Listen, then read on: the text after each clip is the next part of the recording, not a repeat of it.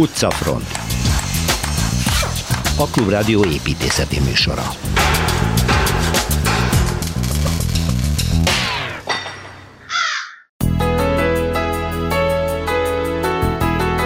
A barcelonai tengerpart különleges építészeti adottságairól beszélgetünk Szilveszter Ádámmal.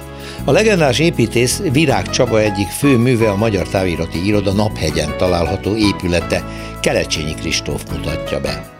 A Bonyi utca zuglóban a csodálatos villasor egyik épülete, ahol annó Rákosi, mint a nép fia kapott ideiglenes lakhelyet, Torma Tamás utca mostrája. Budapest 150 a Városegyesítés emlékezetének egyik kiemelkedő tárlata a Nemzeti Galériában, ahol korabeli fotókon elevenedik meg a világvárossá épülő Budapest, Kovács Krisztina tárlatvezetése. Hamarosan felavatják az egykori Horti-liget áldozatainak emlékművét az 1944-ben deportált írók, újságírók, jogászok, művészek emlékművéről a kezdeményező Kácsor Zsolt író és Siffer János a nácizmus üldözetteinek országos egyesülete elnöke beszél. Garázsból színház, Kozár Alexandra felfedezte, hogy Detroitban, az amerikai autógyártás egykori fellegvárának üzemcsarnokaiban a kultúra veszi át a szerepet. A héten elhunyt Finta József 89 éves korában. Ő az elmúlt 60 év magyar építészetének legjelentősebb alkotója. Róla fogunk megemlékezni egy hét múlva műsorunkban, amikor vendégünk lesz Magyar Péter nemzetközi hírű építész.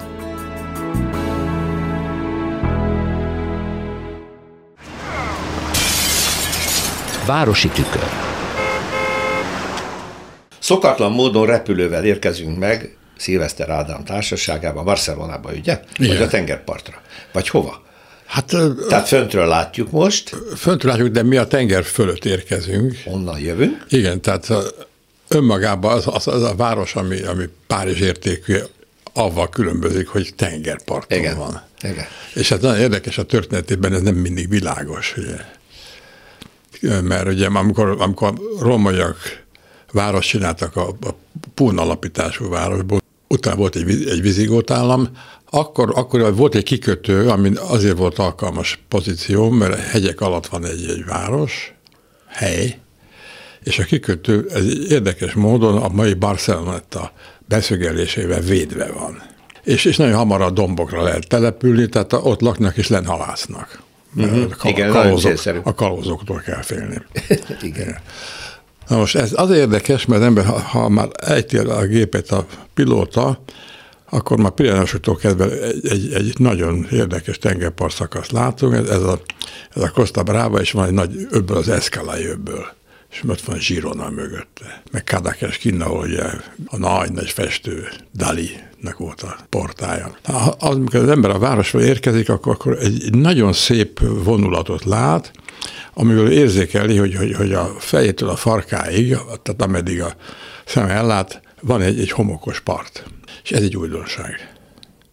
Egy újdonság, mert, mert ennek a városnak a, a története, amikor igazán városá vált, az a első ipari forradalom idejére esik, amikor is a, a Kubából meggazdagodott polgárság erőt kap, és, és visszaköltözik. visszaköltözik, és építi a várost, aminek a városrendesi terve 1859-ben készül el. Olyan későn? Olyan későn, igen. Jé. És attól kozva egészen 88-ig már világéltes rendező, óriás építkezés azon a négyzethálós szerkezeten. Na most ez, ez a város, ez, ez dacára, hogy ott volt a tenger, ebben a nagy gazdagodásban és az, az ipari fejlesztések miatt elvesztette a tenger kapcsolatot. Hogy, hogy? Ez hogy lehet? Hát azért, mert, mert oda épültek ugye a, a, a kereskedelmet és az ipart kiszolgáló, meg, meg, a, meg a, város éltető közműveknek a telepei. Ja, értem, tehát, hogy elzáródott, elzáródott. a tengerpart, nem használható, Igen. Ö, csak a ipari tevékenység miatt ott beépült, és... És ez egy olyan, olyan, olyan vissza nem folytható erőteljes folyamat volt, amit a Rábán el is mondtam, hogy millió ember érkezett innen, onnan, abonnan, tehát új városrészek népesültek be, és, és, és nagyon sokáig ebben nem, nem törődtek. Végül is elég későn derült ki, hogy ezt, ezt, ezt föl kell oldani. Hmm. Ennek egyetlen módja volt, hogy a, a, amikor az ember megy kifelé, szóval két folyó határolja. a Bessos és a Jobreget. És a Jobreget mögött van a repülőtér, és előtte van egy hatalmas egy terület, és minden, ami ott volt eddig a, a, a plázs helyén, uh-huh. azt kinyomták délfelé. Ez mikor? Hát ez folyamatosan. Tehát elkezdték. Elkezdték, de azt kell mondani, hogy volt egy, egy, egy főépítész a városnak, József, József Acebio, aki itt volt Budapesten, egy tervészetben jól ismerem őt, és ő, ő neki volt három nagy feladata, egyik, hogy, hogy, hogy az olimpiát meg tudják rendezni, hogy mi kell ahhoz, a városban alakítatni, és utána megcsinálta a, a 2004-es, mikor ők világkulturális főváros voltunk, ugye a, a Diagonál Már területet, azt a fórumot, és utána a mögötti terület az a Ventidos Aroba, tehát a 22 kukasz elnevezésű, csak egy ilyen tolvajnyelvi kifejezés, városrendezést. És ennek az örve alatt tudták kisöpörni, és megcsinálni ezt, ezt. Igen. Most elindulunk mi ugye a Bessos folyó torkolatánál, ott, ott említettem, van egy foszilis erőmű, és erre bedolgozik egy hatalmas nagy felületre épített, múltkor említett naperőmű, naperőmű és emellett voltak azok a létesítmények, amik, amik most ugye már funkció nélküliek, de azért a fórumban azért mindig kitánk valamit, és egy pár épet múzeummal változott, tehát nem, nem halott. Uh-huh. És onnantól kezdve van egy, egy óriási újítás, hogy van egy déli, és a tengerpartot követő, elkerülő út, ami a városon átvezeti a forgalmat. Egy, a hegyek alatt van egy, és ennek a, ennek a gyorsfogalmi útnak az a titka, hogy, hogy árokba fut, vagy alagútba. Tehát nem van sűjesz. Nem van sűjesz. Van, ahol szabad ég alatt rohannak az autók, és, és van egy nagy csatlakozása, ez pedig pont a, a kötélverő csarnok a régi hajógyár előtti nagy zsiratóár, ahol föl lehet hajtani, és a városi hálózatban. Na most, ha az ember föntől indul, akkor, akkor az érdemes kicsit részesen elmondani, mert, mert az, hogy itt egy homokos partszakasz van, ami zavartan végigfut egészen, a, nem, egész, nem egészen hogy a, a jobbregát folyói, mert oda raktuk ugye mindent, ami, ami terforgalma. kivittek. kivittek. És ennek van egy fokozata, mert az ember ilyen gyönyörű szép plázsokat talál, szép nevük is van, és mindennek ilyen kis merőleges pírek építve. Na most van egy érdekes pont, ami, ami, ami ezt az egészet két nagy tagra formája, az pedig az, az a az a jól elérhető, van egy hosszú utca, ami, ami kifut egészen a, a Esampléból, a partig. Oda telepítették az olimpia vitorlás kikötőjét. Igen, és ott sétáltam, emlékszem erre a kikötőre. És ott van két marha nagy torony, ami jelzi is, hogy ez egy, egy ilyen fordulópont. Egyik egy, egy, egy biztosító társaság, Marple, ez szponzorálja Rafael Nadált. Mm, tényleg. és mellette az SOM-nek van egy épülete, és ott van egy még egy érdekes szoborféleség, egy Frank Ogeri nevű ismert építész csinált egy, egy halat. Állványzaton áll egy hal, de lehetne akár egy matadornak a sapkája is. Igen. És onnantól vagy nagyon szép ív, ami, ami elég hosszan szalad, mögött érdekes épületek, és, és utána van az a szakasz, ahol a régi gázgyár volt. Tehát az, az valamikor kapcsolatban volt a tengerrel. Ott most egy park van, meg van a víztorony, és azok az állványok, amivel ugye a légszesz tartályok ugye süllyedtek, azt megszüntették. Onnantól indul egy nagyon szép partszakasz, van egy, egy szentekről elnevezett San Jose és, és San Sebastián strand, tele, az van tele mindig, sőt a végén van egy hely, ahol, ahol gyönyörű homokszobrokat csinálnak ahhoz értő emberek. És ha az ember megy tovább, akkor ez, ez a dolog átmegy egy egészen magas luxusba. Ott van a, a, a Hotel Vela nevű épület, ami egyébként a W című amerikai vállalat tulajdona, akik csinálták most az operában. Balatintézet helyén a Balatintézet, megcsinálták a új szállodájukat. Igen, igen. Szóval ez egy nagyon magas szintű dolog, igen, igen. és ennek van egy, egy külön pírje, ami, ami ugye érdekes módon az, a, az a előbb említett belső, belső és a Ramblával érintkező kikötő felület, ott, ott üríti ki magát. Hogy elmegy a szálloda mögött, és ott a szállodának is van egy külön kiárata, ott lehet kimenni a tengerre. Most van egy másik pír, ami, ami nagyon klassz volna, csak oda építettek egy, egy, egy barcelonai World Trade Center című épületet, ami azt a vágyat, amit nagyon jól, Wasabio jól képvisel, elrontja, mert az utcákban mindig ki lehet látni a tengerre, és a Rambla nem lehet, mert ott áll előtt az Odaépítették, igen, nagy, igen. nagy butasság nagy egyébként, butasság, igen, igen, mert az volt az egyik élmény, amikor az ember a Ramblán leért, ott, ott kinyílik az egész, igen, és, ott, ott és akkor ott egyébként emlékszem, zöld papagájok rohangálnak, mert nagyon szeretik azt nagyon, a igen. részt, és fák vannak, és, és akkor ráadásul a vizen ilyen úszó büfék voltak, ilyen kis, igen, kis szigeteket csináltak, ahol így egy, egy kis mólon be lehet menni, és akkor középen medence van, körbe meg ott ülnek. Hát ez elbarontva. És akkor ezt odaépít. Jaj, ez egy nagy hiba, ez egy olyan hatemeletes nagy Aha, hengerben szerkesztett épület, és ott egy hajó ki tud. Szóval ez, ez a nemzetközi dolog, nem tudom, hogy miért feküdtek ennek le, mert máshol is lehet tenni. Igen. Na most amikor az ember tovább megy, akkor van egy híd, ami, ami merőlegesen a partra bevisz ö, autókat és utasokat egy olyan partszakasznak a párhuzamosával, és az a legelegánsabb luxus passenger terminál. Na. A nagy hajódál. A nagy hajódál, igen. a, a város méretű.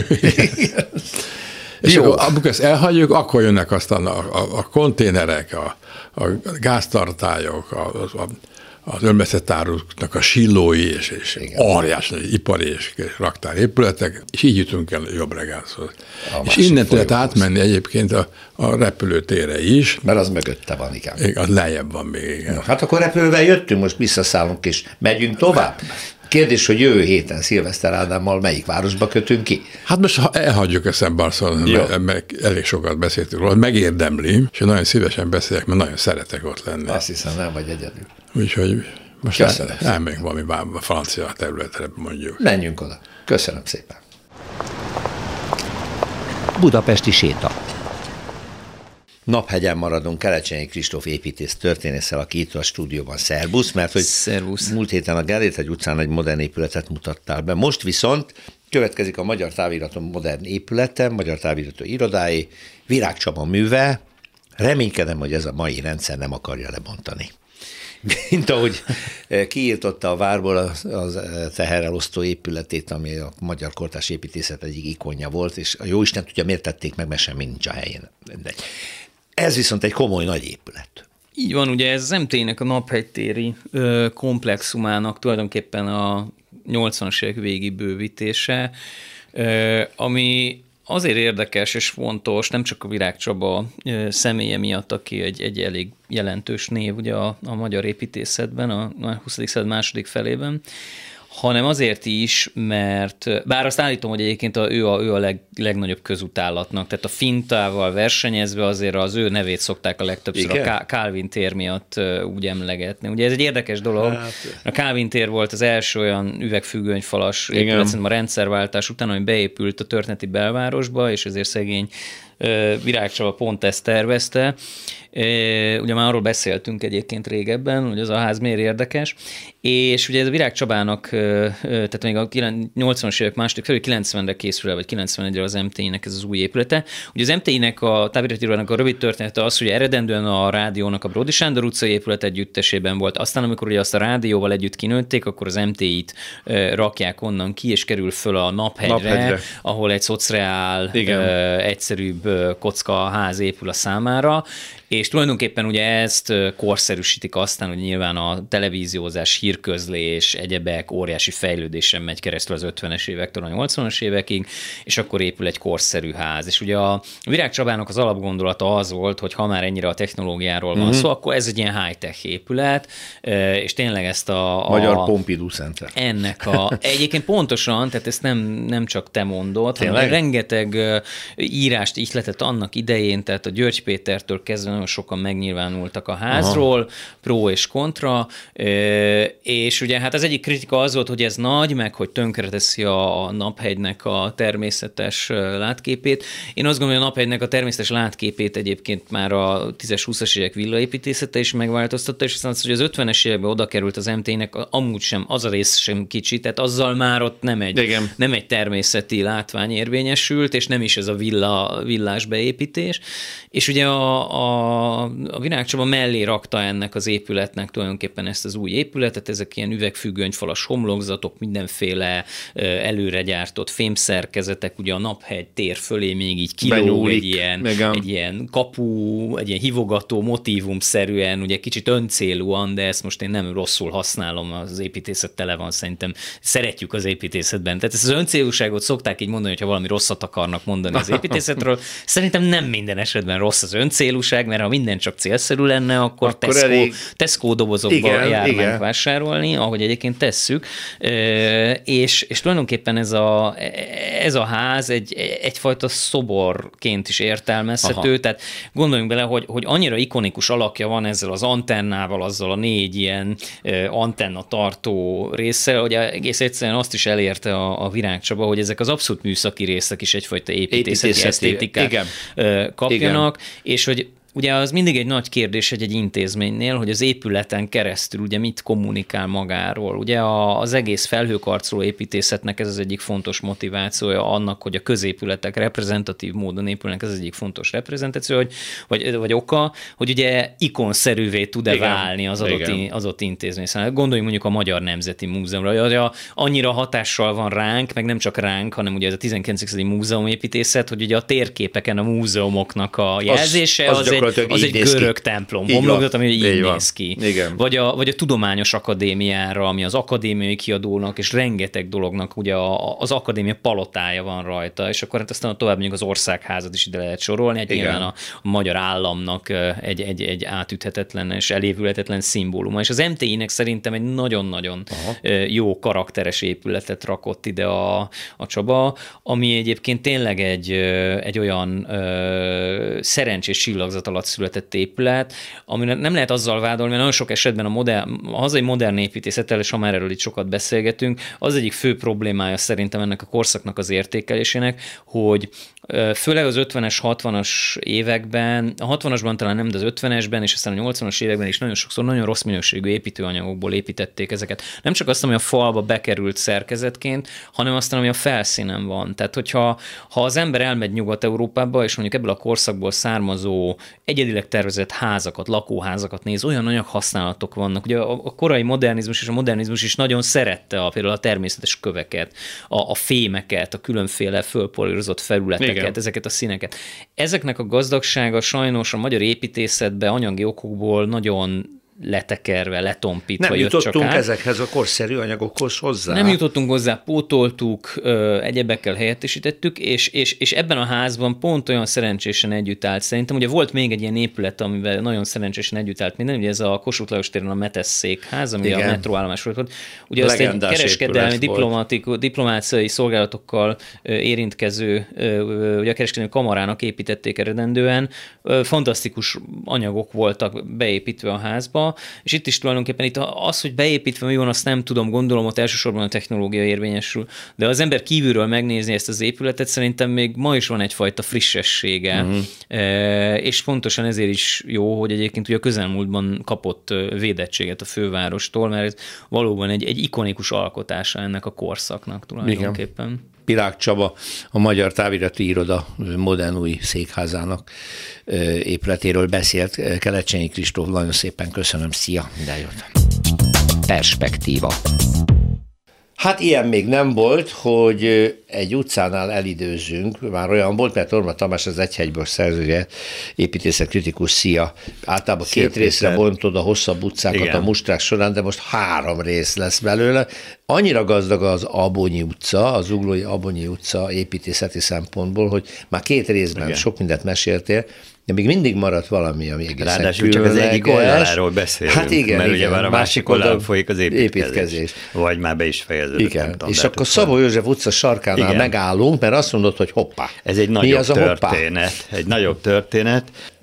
Ez az Abonyi 22, tehát hogyha Dózsa György út felől haladunk, akkor egyre távolabb.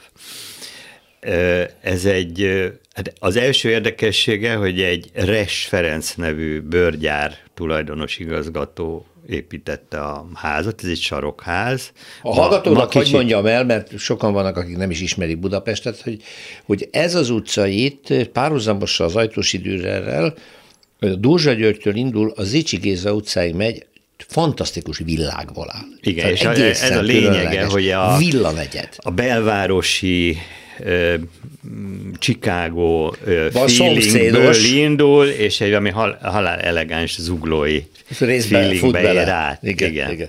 Na azért érdekes a Res Ferenc, mert ő 43-ban magyarosított Réseire. Aha. És a Szabó József utca, hogyha ez a helyismerőknek mond valamit, nek a Tököli út utáni kis stadionnál lévő részén van a Récsei garázs. Igen. Tehát könnyen Igen. lehet, hogy a Rései volt a névadója a garázsnak. Lehet, hogy majd valaki megcáfol, de az utca túloldalán vagyunk. Most visszaugrunk a Villához. abonyi sarokra. Ö, Ezt felszámolták, már mint a bőrgyárát, tehát a jött a háború, a, az épület kallódott, és mi történt? 1945-ben a kommunista párt villát keresett. Jaj, Mosz- jaj. Moszkvából hazatért egyik Jaj, jaj. vezetője számára, aki nem más, mint Rákosi Mátyás és Rákosi Mátyás ö, már januárban visszatért Magyarországra, először Debrecenbe, Debrecenbe, aztán igen. Budapestre, és akkor, amikor felköltöztek a hivatalok Debrecenből. is Debrecenből, akkor megtalálták ezt a házat, és nagyon érdekes, hogy miért. Ugyebár mindenki Rózsadombi házról tud, Rákosi, és tulajdonképpen egy másik Rákosi képről is, tehát a diktátorról, a személykultusz, Stalin, magyar változatos, stb. stb. De akkor még nem itt tartunk, még a koalíciós idők vannak, amikor a kommunista párt nagyon szimpatikusat akart domborítani, és az volt kiadva, hogy ő a népfia, ezért hmm. neki olyan helyen kell laknia, Hmm. ahol gyakran találkozhat is a, a, A nép, nép. a nép további gyermekeivel. Tehát, hogy más nem mondjak, ő a Garai térre járt, a Garai téri piacra járt vásárolni. De közben azért egy luxus világban lakott. Gyalog. Hát annyira mi a, mi a luxus? Azért azt hiszem a rózsadombi az már Az már igen, de komolyabb akkor volt. azért ez is de egy komoly- Tehát ezt most kivonjuk belőle a rákosit, azért a többiek is hasonlóakat kaptak. Tehát Mhm, igen. ebben az értelemben talán nem volt luxus. Nyilván kaphatott volna a Sajó utcában is egy harmadik emeleti másfél szobát, de hát, igen. ö, ugyebben nem az Annyival kapott. azért nem érte be. Igen. Fákat költ, ö, ültetett a kertbe, mert ez egy sarokház, ahogy mondtam, nagy kerttel. Most ez ma is látszik egyébként, hogy elég nagy a kertje. Ö, Hát akkor abból a szempontból, hogy gondolnánk rá, egyáltalán nem volt egy védhető ház, és aztán 48-ban történt valami a nemzetközi kommunista mozgalomban, nevezetesen, hogy a, akkor már parlamenti képviselő ö, Palmiro Togliatti, tehát olasz kommunista párt, már bennül a parlamentbe, ellen merényletet követnek el, súlyosan megsebesül ebbe a merényletbe, és akkor Moszkvából kiadják a, az ukázt, hogy ö, ajaj, tehát vigyázni kell, és akkor kezdenek el keresni egy új helyet, tehát a, a, a népfia Gyorsan el kell státusz, az hirtelen átalakulásba kezd, és keresnek neki, és itt találják meg a Rózsadombi házat. Aztán Tehát 48, akkor Amíg- kiköltözik. igen, uh-huh. amikor ö, kere, még keresik, Aha. akkor már reflektorokat szerelnek föl a házba, őrt kap természetesen, és nagyon érdekes, hogy még, még 48-ban vagyunk, augusztusban Kecskeméten volt egy nagy gyűlésen, ahol hát ajándékokkal halmozták el a kommunista párt első vezetőjét, amit nem tudtak máshova rakni a, a, az udvarra, sőt, még ö, azt hiszem libákat és öt birkát is kapott, hogy, hogy nem Kecskeméten, amit szintén hogy, hogy nem egy ideig ott kellett eltárolni. Az Amonyi utcában. Aztán az állatkertbe kerültek, Bájos. és hát aztán ugye már most rövidre zárva a történet, 49 májusában került sor, hogy a Rákosi házaspár innen fölköltözik a Rózsadombra, és akkor onnan már talán jobban ismerős ez a történet. Viszont az nem ismerős, hogy a ház meddig marad a kommunisták kezén, és aztán később, hogy mi lesz vele. Nem, azt nem, nem, nem tudjuk. erről, erről Ezt semmit nem, nem tudjuk. tudok. Hát akkor lezárták a villát, Igen. és tulajdonképpen, hát nyilván azóta történt vele egy más, Gondolom. de most is ez a 24.hu-ról, a Vince Miklós cikkéből tudom ezeket, meg láttam azt a képet, amit ő pár éve fotózott, akkor egy nem élt villának tűnt. Uh-huh. Tehát az akkor is lezártnak. Lezárt villa volt. Kár, hogy ott parlagon hever. Hát a történetem minden esetre érdekes. Abonyi utca, Szabó József sarok, és ha valaki ott sétál, emléktábla nincs, de most már tudjuk, Igen. hogy többi között erről is nevezetes Torma Tamás, köszönöm szépen. Én is köszönöm. Magas lesen. Emlékműve lesz a Hortilliket áldozatainak. Szerintem nagyon kevesen tudják, miről beszélek, úgyhogy a következő percekben ezt igyekezzük tisztázni. Itt van velem Sifer János, a nácizmus üldözötteinek országos egyesület elnöke, és Kácsos Zsolt író, szervusztok. Szia. És ha tudom, jól tudom, Zsolt, te az, aki, te vagy, aki, aki kibányáztat, hogy 1944-ben ez a Horti liget, ami, ami ugye Csepelen volt, Igen. ez egy gyűjtőtábor volt, ahol Gyűjtő, gyűjtő és internáló. és internáló tábor, ahol egészen különleges embereket gyűjtöttek össze a nyilasok, a leghíresebb íróink, úrságíróink, jogászaink talán. Erről soha nem hallottunk. Hol fedezted ezt fel? Hát valójában nem én kutattam ezt, annak voltam az ötlet gazdája, hogy legyen emlékművük, uh-huh. mert nem volt emlékművük. Már nem emlékszem hogyan, de a neten találtam ezt a nevet, hogy Hortiliget, és teljesen elképhettem, hogy még nem hallottam, én, aki történelmi szakot végeztem az egyetemen, és rábukkantam a neten még 2016 előtt Fóti Jánosnak a a Hortiliget, a Magyar Ördögsziget című visszaemlékezésére. Fóti János újságíró volt, úgy emlékszem, hogy a Pesti hírlapnak volt a munkatársa, és ő is ott raboskodott, szerencsére túlélte, és 46-ban vagy 47-ben jelent meg a visszaemlékezése, amit aztán szerencsére Babicki Tibor szerkesztésében újra kiadott a Szkolár 2016-ban, tehát uh-huh. újra hozzáférhető uh-huh. már. És akkor 2020-ban, mivel hogy az előző életemben újságíró voltam, arra gondoltam, hogy az egykori kollégák megérdemelnének egy emlékművet, emlékjelet, és fölvetettem ezt a gondolatomat Siffer Jánosnak, aki nagy örömömre mellé állt, és hát én már negyedik éve, hogy harcol az. Viszont december közepén János a közgyűlésben, a fővárosban elfogadta, hogy ez az emlékmű fölállítható, Igen, tehát a főváros megadta az engedélyt a terület hasznosítására, sőt, még támogatást is adott a terület rendezésére, de hát korábbról kell kezdeni. Először is miért örültem meg a gondolatnak? Mert pont ez az időszak volt, amikor egymás után jöttek a különböző madarak megemlékezni arról, hogy a magyaroknak semmi felelősségük nem volt. Ugyanakkor a Dunaparton lévő cipő kivételével igazából olyan emlékmű, amik a történtekre emlékeznek Budapesten, csak nagyon kicsik vannak. Évente elmennek oda koszorúzni, és ebben le van tudva. Ezért gondoltam azt, hogy a név is, tehát az, hogy Horti Liget, annak is egy üzenete van. Kettő, a történet is, mert végén kiderül a visszaemlékezésekből, hogy itt a magyar csendőrök vitték és őrizték a ott lévőket, tehát nem a németek. Három, tényleg nem volt emlékmű ezen a helyen, nem is lehet, nem is szabadna, mert kint valahol a pusztában egy ramos gyárépület Ezt akartam kérdezni, hogy hol a csodában volt ez az Horti liget egyáltalán. Igen, tehát, hogy oda nem nem nagyon érdem. Ez Csepel-szigeten volt. Igen, tehát a, hogy be tudják a hallgatók azonosítani, a mai sziget Miklós és Tököl határában a Weiss Manfred dék egyik gyártelepén repülőgépeket, repülő alkatrészeket gyártottak. 40, 41-ben adtak át ott egy gyártelepet, és ennek a gyártelepnek az egyik részében volt a gyűjtő, gyűjtő és internáló tábor. Uh-huh. Tehát én azért is, tehát egy, hogy a névsor is nagyon Mondjuk Mives. neveket, mert akkor azért segít, nem? Hogyha azt mondjuk, Igen. hogy többi között Kecskeméti György, Tábori Kornél, Vidor Gyula, Mohácsi Jenő, Török Sándor, Szatmári Sándor, híres jogászok sorolhatnák. Beg Salamon a nagy jogtudós. Uh-huh. Ja, tehát nagyon a népszava újságíró is többek MT között. Tehát nemzet. egy nagyon míves névsor, de mondom, számomra az volt a legfontosabb, hogy ezzel is felhívni a figyelmet arra, hogy, hogy itt van egy felelőssége a magyar társadalomnak. Na most 20-ba elkezdtük ezt, 21-ben volt először területbejárás. Mi azt gondoltuk, hogy a Borárus térre kerüljön az az emlék. Na de miért? Azért egy, mert ha ki, ki, kit lehetne oda kirakni, hogy Óbudán is megvan az Óbudai téglagyár emlékműve, egy kő szikladarab és egy tábla, nem ki jár arra. Ki jár arra.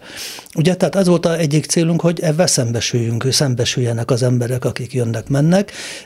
Kettő, oda tényleg nem megy ki senki, tehát nincs ott értelme egy táblát se fölrakni, mert csak protokoláris megemlékezés, és nem a valódi megemlékezésre kerülhet sor. Tehát a Boráros téren viszont ők elmentek, tehát arra Aha, persze, vitték őket ott ugye vitték. Csepelre. Nem is A- vihették máshol. Hát nem, hogy ne. még nem a Csepeli hévvel, de mondjuk adja magát az, hogy ezen a területen legyen. Volt ebből egy kis vita, még, de a történészek is elfogadták a végén uh-huh. ezt a helyszínt, a Történelmtudományi Intézet is, hogy igenis a üzenetértékének van ö, értelme, hogy ez ide kerüljön. Tehát azért először több javaslat merült föl képzőművészekkel, és a végén Varga Tamás szobrászművész adott egy javaslatot, ami nagyon tetszett nekünk. Ugye mi a botlókövekből indultunk ki, de hát 200 valahány botlókövet nem lehet lerakni egy helyre. Ő azt találtak és azt tervezte meg, hogy két nagy vastábla, ami szokás, mikor az úton valami probléma van, nagy vastáblát lerakunk, aztán az elfedi a hibát, a problémát, aztán ott is marad.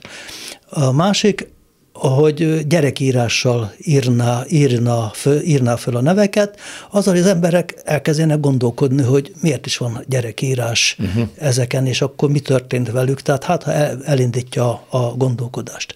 El is készítette a terveket, a rajzokat, aztán hosszan húzakodtunk a fővárossal, illetve műszaki emberek, hogy ez télen csúszós lesz. Hát ezek olyanok, mint az elektromos táblák, vagy elektromos fedelek, vagy a vízfedelek a járdán, van ilyen nagyon sok, de hát itt ettől megakadtunk, és majdnem egy évet csúszott a dolog, míg aztán ö, nyitottábbá váltak a műszaki emberek is, és akkor kerestünk ezen a téren olyan helyet, ahol lehet ezt a táblát, de aztán a művész azt mondta, hogy ennek csak a járdában van értelme, és aztán egy másik javaslattal állt elő, két tulajdonképpen ilyen jegyzetfüzetből Igen. kitépett írkalap, amin ugyanígy gyerekírással És így egy térplasztikává is igen, vált, tehát- ezáltal messziről igen, is mert látható. körülbelül két méter magas, tehát ez látható lesz, és meg kell állni, tehát nem lehet elmenni se rajta, mint a, a fémlapon. Ez a mű ez tulajdonképpen el is készült, a műteremben van, és hát márciusban szeretnénk, ha az időjárás is engedi, a terület rendezése után felállítani ezt az emlékművet, mert ez a 80. évfordulóhoz is Hát ez az év végig a, holoka, a magyar holokauszt 80. évfordulójával telik el, és hát január 18-a a gettó felszabadításának időpontja, és egymás után jönnek az erre való megemlékezések egészen. Majd jövő év, január 18-al bezárólag, akkor zárul ez az év, úgyhogy ez egy nagyon jó időpontban van. De az, térjünk már arra vissza, Zsolt, hogy meg János, hogy még mindig úgy érzitek, hogy nem köztudott, nem elfogadott a közbeszédben az, hogy ennek a borzalmas tömeggyilkosságnak elsősorban a Magyarország a felelőssége, a magyar állam, a magyar államiság, a magyar eh, végrehajtó szervek, nyilasok ide, nyilasok oda, hát ugyanerről van szó. Tehát, hogy ezt még bizonyítani kell, még mindig úgy érzitek, hogy tolja maga előtt sok ember, sok ö, közéleti személyiség, hogy itt a németekre hárítsa a felelősséget. Azt kellene tudatosítani a magyar társadalomban, hogy a holokauszt az nem, nem zsidó ügy, egyáltalán nem zsidó ügy, hanem össztársadalmi magyar ügy. Tehát ezek az emberek magyar állampolgárok voltak, és a magyar hatóságok aktív közreműködésével gyilkolták meg őket. Ez csak összehasonlításképpen, mintha Debrecen lakossága egyik napról a másikra eltűnne, és mellé még Pécs, Nyíregyháza, Szeged lakossága tűnne el. És amiért nagyon örülök annak, hogy lesz egy hortiligeti emlékmű, az az, hogy nem volt benne a közbeszédben, és is benne a köztudatban, hogy Budapesten is volt egy olyan deportál és gyűjtőtábor, ahonnét vittek Auschwitzba embereket. Innét Hortligetről 200 embert vittek el Auschwitzba, és öltek meg Auschwitzban. Ez a fővárosban történt. Itt. Ezzel nagyon sokan nincsenek tisztában, és azt reméljük Jánossal, hogy ha ott lesz a Boráros téren az emlékmű, ráadásul olyan ö, sajtó orgánumok neve, nevével, mint az MTI, Magyar Nemzet, Népszava. népszava, amelyek ma is létező nevek, beazonosítható nevek, és talán a mai társadalom tagjai szembesülnek vele, hogy ez a mi korunkban történt, ez, ez akár most, mostani ügy, és nem, nem zsidó ügy, és um, és igenis, um, a Jánosnak igaza van. Tehát eltolta magától a magyar társadalom, sőt, a politikai élet, a politikai kurzus is eltolja magától. Nem igaz az, szerintem, történész végzettségem van, ilyen kocatörténész vagyok, szoktam mondani. Nem igaz az, hogy Magyarország német megszállása után az ország teljes egészében elvesztette az önrendelkezését. Még az sem világos nagyon sokak számára, szokták mentegetni az antiszemiták, hort, antiszemiták Horti Miklóst, hogy Bezeg megmentette a budapesti zsidóságot, mert leállította a deportálást. Ez nem igaz. Horti nem leállította a deportálásokat, hanem felfüggesztette 44. augusztus 26-ára tűzte ki a budapesti zsidók deportálását.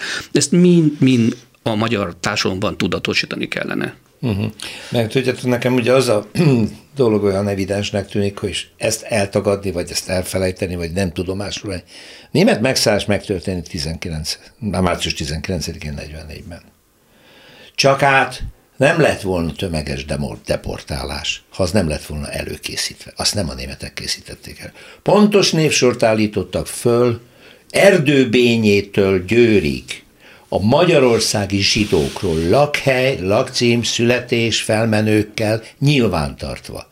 Azt nem a németek csinálják, ezt a magyar hatóságok szisztematikusan készítették el. Ez olyan evidencia, amit nem lehetne letagadni. A másik, amit Zsolt most mondott, hogy igen, a másik tabu, hogy Budapest zsidósága nem menekült meg, csak egy része.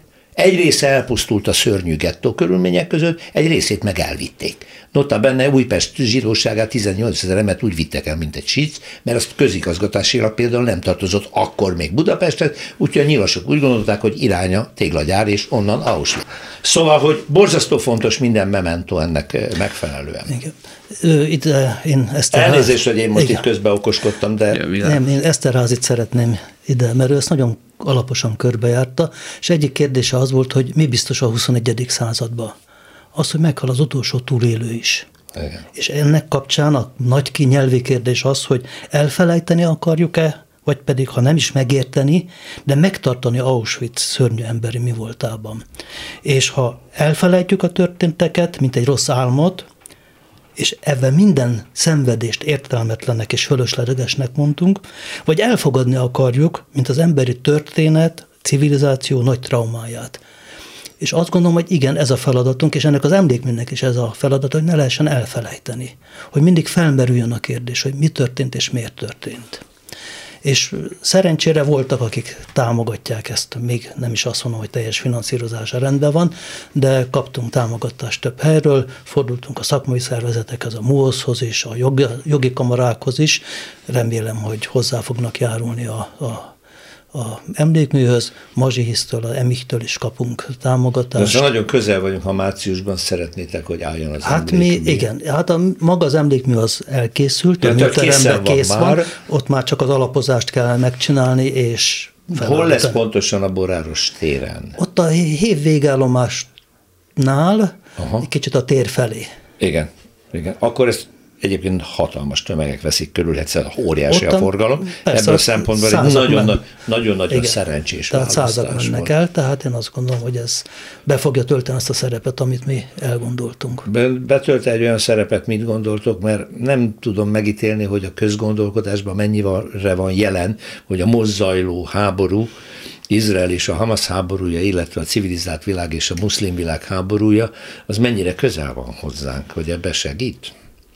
Ilyen asszociációt nem nagyon várok én el senkitől, gondolom, de azért csak-csak itt van a levegőben, hogy ami történt, arra azt hittük, hogy soha nem fog megismétlődni. Igen, hát azért gondolom, hogy azért is fontos szerepe van most éppen ennek az emlékműnek, mert látszik egész Európában, meg a világban is, Egyesült Államoktól kezdve, hogy az antiszemitizmus erősödik.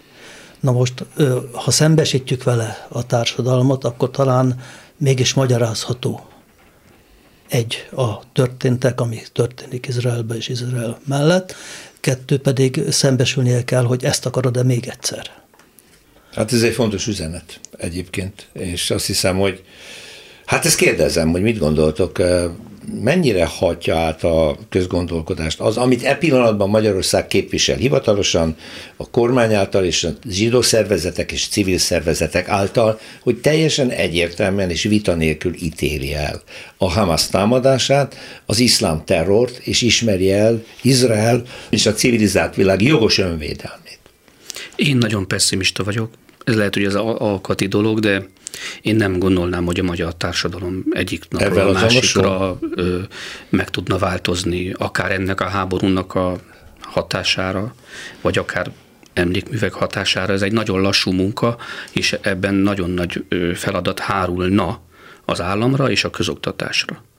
Tehát azt gondolom, hogy minden egyes iskolában kellene utakat szervezni Auschwitzba, kellene magyarországi emlékhelyekre, zarándok utakat kellene szervezni minden iskolából, nagyon komolyan kellene venni. Nem arra kellene a dolgot kifuttatni, hogy a, a zsidókat meggyilkolták, hanem arra is, hogy ezt a magyarok tették. Ezt nagyon hiányolom a magyar közoktatásból. Sifer János a nácizmus üldözötteinek országos egyesület elnöke és Kácsor Zsolt író volt a vendégem. Köszönöm szépen, és követjük az eseményeket. Minden jót!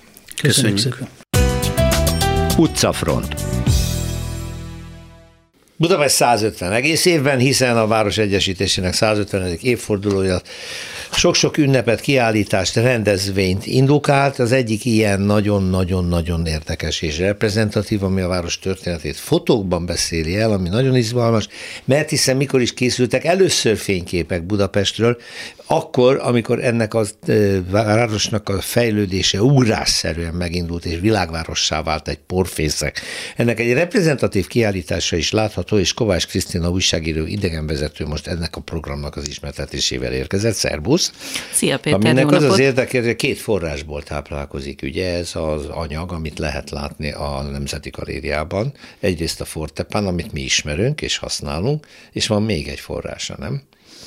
Hát uh, én inkább úgy fogalmaznék, hogy most már minden a Fortepánon van. Ja, hogy minden? Uh, most már megnézhető, ugye ez a fortepán.hu nevezetű Csodálatos gyűjtemény. Uh, szerintem a legjobb dolog, ami az elmúlt húsz évben történt, uh, mert hogy uh, civilek kiálltak lomtalanításkor megmenteni a fotókat, és most már megnéztem, találtam olyan fotót, aminek a száma 280 ezerrel kezdődik, tehát egy olyan, olyan internetes, bárki által összefér elérhető nulla állami forintból működő felületet képzeljenek Ingyenes. el, ahonnan bárki letölthet 1900 és 1990 közötti korabeli fotókat. Kronológiai sorrendben koronként illetve téma, is, téma vagy szerint tematikusan is. is kereshető képek. Igen. Elképesztő. Tehát és innen hát, a válogatás. Igen, és, és hát most már annyira kinőtte magát a projekt, hogy a, a, az ötletgazdák, azok nemzetközi partnerségben is gondolkodnak, és találtak egy képeslapgyártó családot, oh akit úgy hívnak, hogy Brück und Zon, és... Ez a cég neve.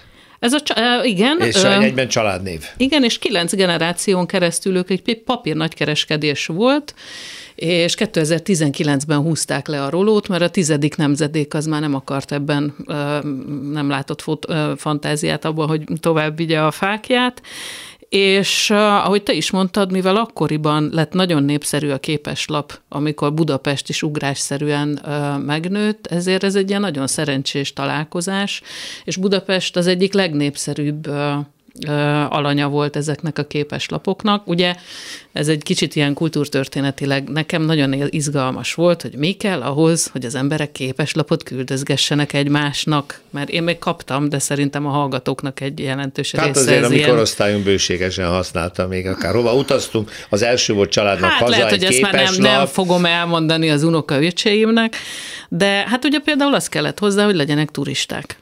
A turistákhoz az, az kellett, hogy legyen vasúthálózat, illetve az se ártott, hogyha az emberek tudnak írni, olvasni. És, és amikor ez így, így összeállt, akkor nekiálltak izgalmas úti célokat találni, és ebből az egyik izgalmas úti cél az Budapest volt, ami ilyen 20-30 év alatt verekedte föl magát a 17. legnagyobb lakosságú városból a 8. helyre Európában, ami azért elképesztő. Nagyon nagy, gyors fejlődés volt, igen. És, és hát nem csak ezeket a képeslapokat hozták el, 500 darab képeslap, hanem hogy ami fantasztikus, hogy ezeknek a negatívjait kapták meg, úgyhogy ki is lehet ilyen teljes fal nagyságúra nagyítani. És ilyen nagyon, én, én nagyon, nagyon élveztem, mert hogy össze lehet hasonlítani, hogy milyen volt a város, és milyen ma, van mozgókép is, amivel kiegészítették, és hát, hogy a, amiben így aztán abszolút beleveztem, azok a részletek. Tehát a, mindig van egy kiskölyök, aki belenéz a kamerába. Tehát a felnőttek azok nem. férfiak napernyővel. Igen. Mert korábban. hát, hogy ugye akkoriban az még ciki volt, hogyha valakinek napbarnította a bőre, mert akkor ő kemény fizikai munkát végez a földeken, úgyhogy ergo fél meglett férfi emberek sétálgatnak napernyővel. A nagy kedvencem az Lip Lajosnak az ideiglenesen felhúzott kis bódéja, akinek el kellett költözni, mert éppen átszapták az Erzsébet híd miatt a, a, a korabeli városközpontot, és ez egy ilyen szecessziós csoda. Tehát, hogy ami nekünk most így egy konténer, amit oda levágunk valahova, az ilyen kis kicsicsázott izé-bizé, csak hogy nehogy véletlenül ki, kiugorjon ott a városképből. Vannak épületek, amiket így, van egy hatalmas interaktív térkép, és így lehet keresgetni, hogy mi hol van, és például királyszínház. Hát három percig tartottam, amíg megtaláltam, hogy Király Színház, ami ugye meglepő Király módon a Király utcán, utcában van. És ma a rendőrszakszervezet hát, épülete van a helyén. Meg egy vívó szakosztály, és egy Igen. ilyen, ó, egy ilyen hihetetlen Szóval volt. ocsmány, már elnézést, tehát biztos... Szociál szörnyűség, igen, de a tábla rajta van, itt működött a Király Színház. És ott mutatták be a Csárdás királynőt. Királynőt, és Fedaksári ott kezdett, igen. És, és ilyen, ilyen kis, kis figurális arcok, meg, meg, meg, meg nem tudom én mi. Hát, és ami még nagyon érdekes, hogy magának a képeslap készítésnek a technikája is ott van, mert hogy ugye ezeknek jelentős részét tőlünk 700 kilométerre állították össze, úgyhogy vannak az elrontott képeslapok, mert hát szegény német mesterember, aki ezt szakmányba gyártotta, fogalma nem volt arról, hogy melyik budai rész, meg melyik a pesti rész, és akkor ott áll az ember, és azt gondolja, hogy na, itt valami nem stimmel, de mégis mi az, és akkor rájön, hogy vagy a hidak vannak rosszul, vagy a város részeket keverték Aha. össze.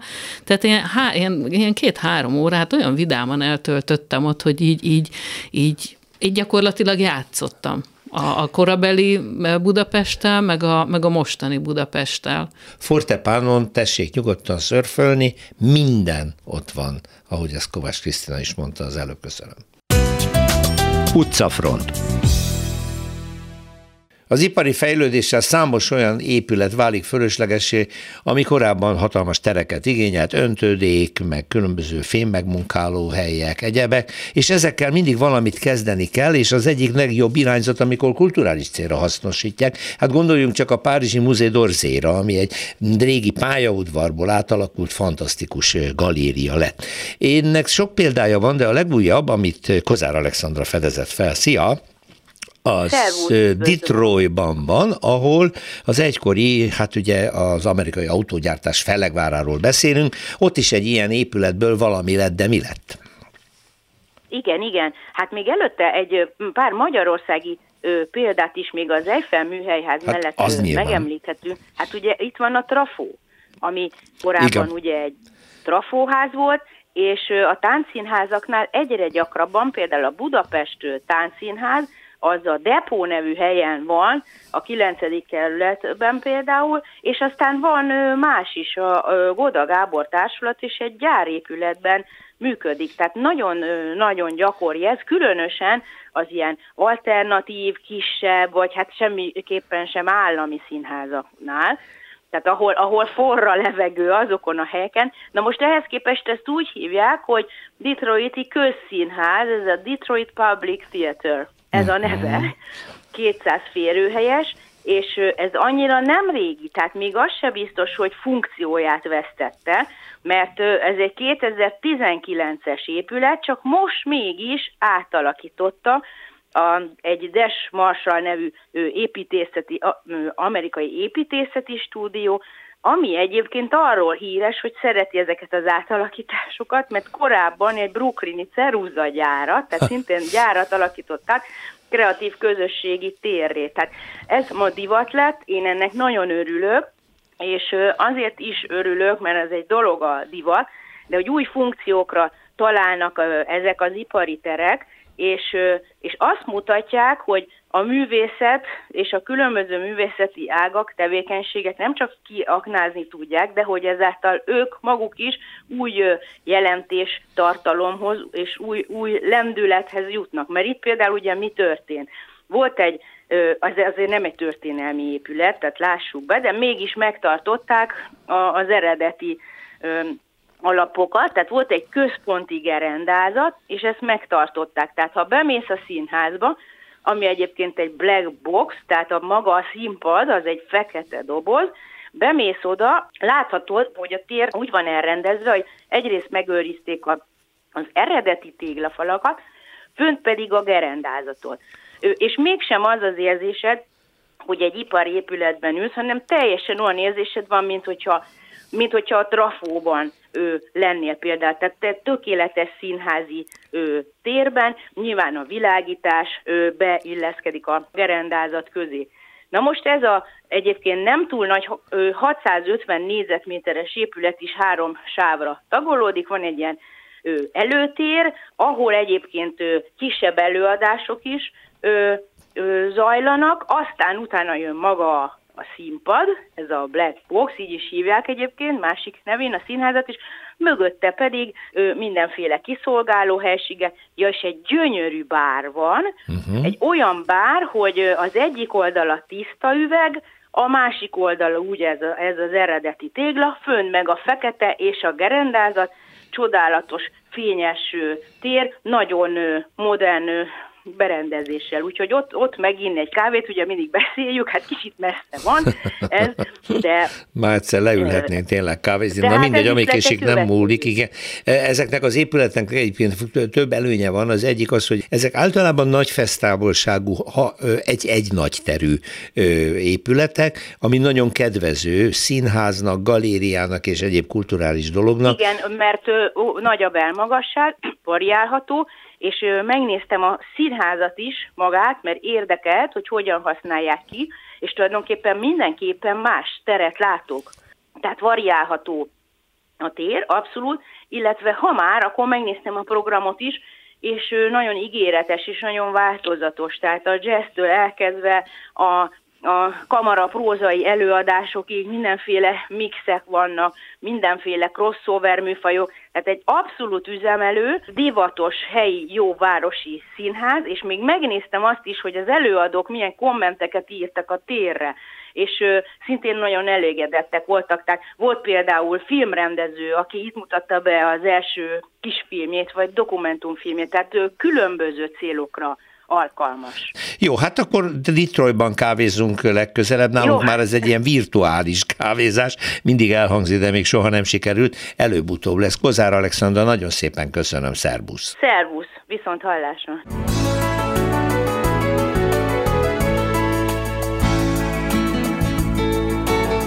Köszönjük a figyelmüket, az utcafrontot hallották, a műsort Árva Brigitta szerkesztette és Rózsa Péter vezette. Egy hét múlva várjuk Önöket.